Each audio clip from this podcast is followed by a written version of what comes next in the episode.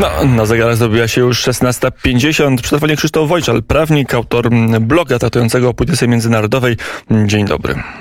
Dzień dobry Państwu, dzień dobry Panu. Zrobiło się późno, więc czasu mamy mało, ale dwie ważne sprawy, mam nadzieję, zdążymy powiedzieć. Przede wszystkim przed nami e, dni szczytów, dni rozmów między Zachodem a Rosją na najwyższym możliwym poziomie i w relacjach bilateralnych Rosja-Stany i w relacjach Rosja-NATO, czego możemy się spodziewać, e, jaki jest bilans otwarcia tej rundy negocjacji między Wschodem a Zachodem. Znaczy, w mojej ocenie należałoby spojrzeć na to, co już w tej chwili e, wiemy i w tej chwili już 17 grudnia Władimir Putin jakby tutaj sprecyzował swoje żądania względem NATO i w mojej ocenie e, te żądania są dla NATO e, no, nieakceptowalne, a przynajmniej też dla Stanów Zjednoczonych, w związku z czym nie spodziewałbym się tutaj jakiegoś dużego przełomu i raczej patrząc w kontekście tej szerszej e, gry międzynarodowej. Stany Zjednoczone, Joe Biden będą raczej starały się grać na zwłokę i nie będą też mogły pokazać, że ulegają, e, ulegają presji rosyjskiej w związku z, z tym, że, że będzie, Stany Zjednoczone muszą się pokazać jako lider Zachodu, jako wiarygodny lider Zachodu i przede wszystkim jako lider Paktu Północnoatlantyckiego, a także jako gwarant bezpieczeństwa wielu, wielu bilateralnych umów. E, w tym zakresie, również na Dalekim Wschodzie. Także e, w mojej ocenie Stany Zjednoczone mają tutaj dość e, związane ręce, nawet jeśli by chciały jakiegoś porozumienia z Rosjanami. I jednocześnie w mojej ocenie też Władimir Putin nie pozostawił, nie pozostawił Stanom Zjednoczonym zbyt dużego pola manewru. Znaczy te żądania z 17 grudnia zostały przedstawione w taki sposób, E, że e, wręcz Amerykanie nie mogą na nie, na nie przystać. Znaczy to wygląda w ten sposób, jakby e, władze z Kremla chciały uzyskać tymi żądaniami z grudnia pewnego rodzaju pretekst do tego, żeby później móc grozić rzeczywistą, rzeczywistą inwazją na Ukrainę. To znaczy Rosjanie zakładają, że Amerykanie się nie mogą zgodzić na te żądania, w związku z czym w następnym kroku Rosjanie będą mogli niejako i na potrzeby polityki wewnętrznej, i także na potrzeby polityki zewnętrznej pokazywać, że e, wyciągnęliśmy rękę, e, Zachód się nie zgodził, w związku z czym mamy prawo tutaj e, mobilizować wojska na granicy z Ukrainą i ewentualnie Kijowowi zagrażać. A właśnie, bo jest, się, bo jest to... taki, może nie całkowity, ale dość spory konsensus wśród osób, które się zajmują polityką zagraniczną, patrzą na działania Rosji od kilku lat, że, że taka pełnoskalowa wojna jest mało prawdopodobna, że tych żołnierzy jest jednak za mało, by 100-130 tysięcy to nie jest taka siła zbrojna, która mogłaby e, w pełni zaatakować Ukrainę, która przypomnijmy ma już 400 tysięcy żołnierzy, może nie z najlepszym sprzętem, ale bitnych i ostrzelanych, a to jak się okazuje, e, czy, czy, czy, czy teraz, czy kiedyś jest tak samo ważne jak dobry sprzęt. E, tak, i podzielałbym tutaj e, to zdanie, natomiast mam ku temu troszeczkę inne pobudki. E, zwróciłbym na uwagę na fakt, że już pomijając tę mm, wielkość i skalę mobilizacji rosyjskiej na, Ukra na granicy z Ukrainą, a także no, wielkość armii ukraińskiej, która no 400 tysięcy to mnie pan zaskoczył, bo, bo ja No tyle się o... mówi, do 300 po 400 tysięcy, takie są. Yy, tak, no ale w każdym, w każdym razie e, rzeczywiście ta skala mobilizacji rosyjskiej wygląda na razie dość skromnie, ale e, przede wszystkim ja zwróciłbym tutaj uwagę bardziej na kwestie geopolityczne, a nie już takie taktyczne.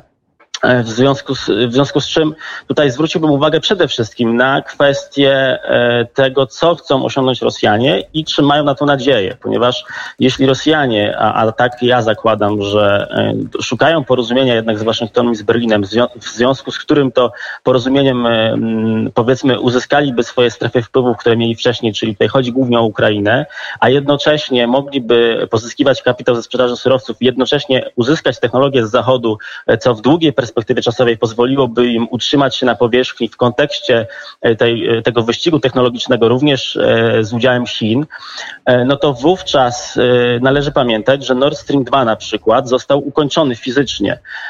W związku z czym Władimir Putin ma przesłanki do tego, by sądzić, że taki deal jest jeszcze możliwy.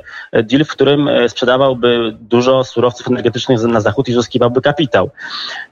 I jakby w tym kontekście jakby agresywne zachowania i inwazje na Ukrainę w tym momencie raczej e, nie byłyby korzystne i raczej przekreślałyby możliwość porozumienia się z Zachodem. Więc e, pomimo tych agresywnych ruchów, które mieliśmy, e, które teraz obserwowaliśmy w grudniu, wydaje mi się, że jeszcze w tej chwili jest za wcześnie, by mówić, że możliwa jest w ogóle jakakolwiek agresja na, na Ukrainę, czy to na mniejszą, czy na większą skalę. Jednocześnie spojrzałbym też na kilka przesłanek, które należy uważnie obserwować e, w kontekście oceny jakby tego, jak wysokie jest ryzyko natychmiastowej wojny na Ukrainie. Bo inną taką przesłanką, oprócz tej, że, że Rosjanie mają jeszcze nadzieję na jakieś porozumienie, a jeśli tej nadziei nie będzie, no to wówczas wiadomo, że ryzyko wzrośnie, no to inną taką przesłanką jest to, że e, by zaatakować Ukrainę, Federacja Rosyjska, oczywiście oprócz tego, że musieliby zmobilizować znacznie większe siły, e, to z takiej taktycznej e, strony musieliby rozmieścić pierwszą gwardyjską armię pancerną na Białorusi, a to wymagałoby w mojej ocenie jeszcze większej zależności Białorusi od Rosji. Pamiętajmy, że w tej chwili na przełomie roku właśnie Łukaszenka się z Putinem spotkali, także dyskutowali właśnie o kwestiach bezpieczeństwa i prawdopodobnie o kwestii Ukrainy. E, także zobaczymy, co tu się wydarzy. Natomiast póki e, rosyjskich wojsk nie ma na Białorusi, e, póty wydaje mi się, że konflikt jest jeszcze daleki. Inną taką przesłanką, jest taka, że gdyby Rosjanie się szykowali naprawdę do ataku, to w mojej ocenie przeprowadziliby po prostu naprawdę zmasowaną kampanię propagandowo-agenturalną na terenie Ukrainy, E, w celu jej e, destabilizacji i wprowadzenia wewnętrznego chaosu. E, tak jak to było w czasie Krymu w 2014 roku.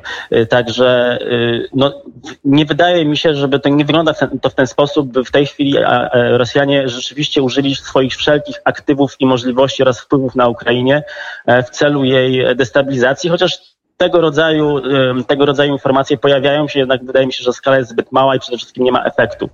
E, jednocześnie w mojej ocenie Rosjanie na pewno chcieliby uniknąć uderzenia takiego otwartego, wojny otwartej, znaczy Rosja przeciwko Ukrainie. Należy pamiętać, że historycznie Rosjanie zawsze próbowali w jakiś sposób e, te swoje mm, wypowiadanie wojny w jakiś sposób uargumentować czy uzasadnić, e, by wyglądało to na jakąś interwencję czy na brak bratnią pomoc. I w tym kontekście raczej spodziewałbym się e, takiego ruchu politycznego wyprzedzającego uderzenie, w którym to na przykład e, Federacja Rosyjska, Rosyjska a raczej na przykład może, może e, Donbas jako niezależny ośrodek, teoretycznie niezależny, ogłosiłby na przykład e, brak legalności władz Kijowa, e, pojawiłby się nowy prorosyjski rząd, e, dokonano by jakichś prowokacji na granicy Donbasu i Ukrainy, o, o które oczywiście o agresję o, tutaj jakby oskarżono by stronę ukraińską i wówczas dopiero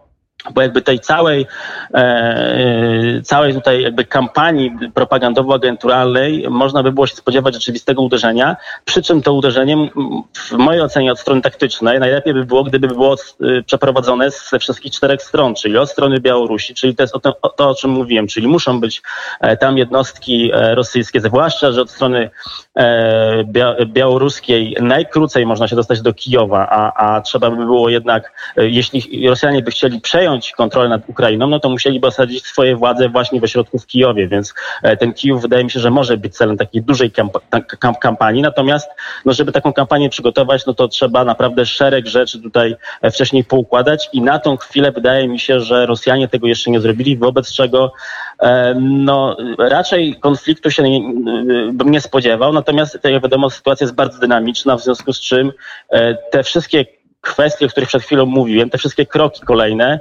mogą rzeczywiście zostać podjęte w bardzo krótkim czasie. To jeszcze mm, dopytam e, i proszę dość krótką odpowiedź. Na ile polityka Stanów może tutaj być decydująca?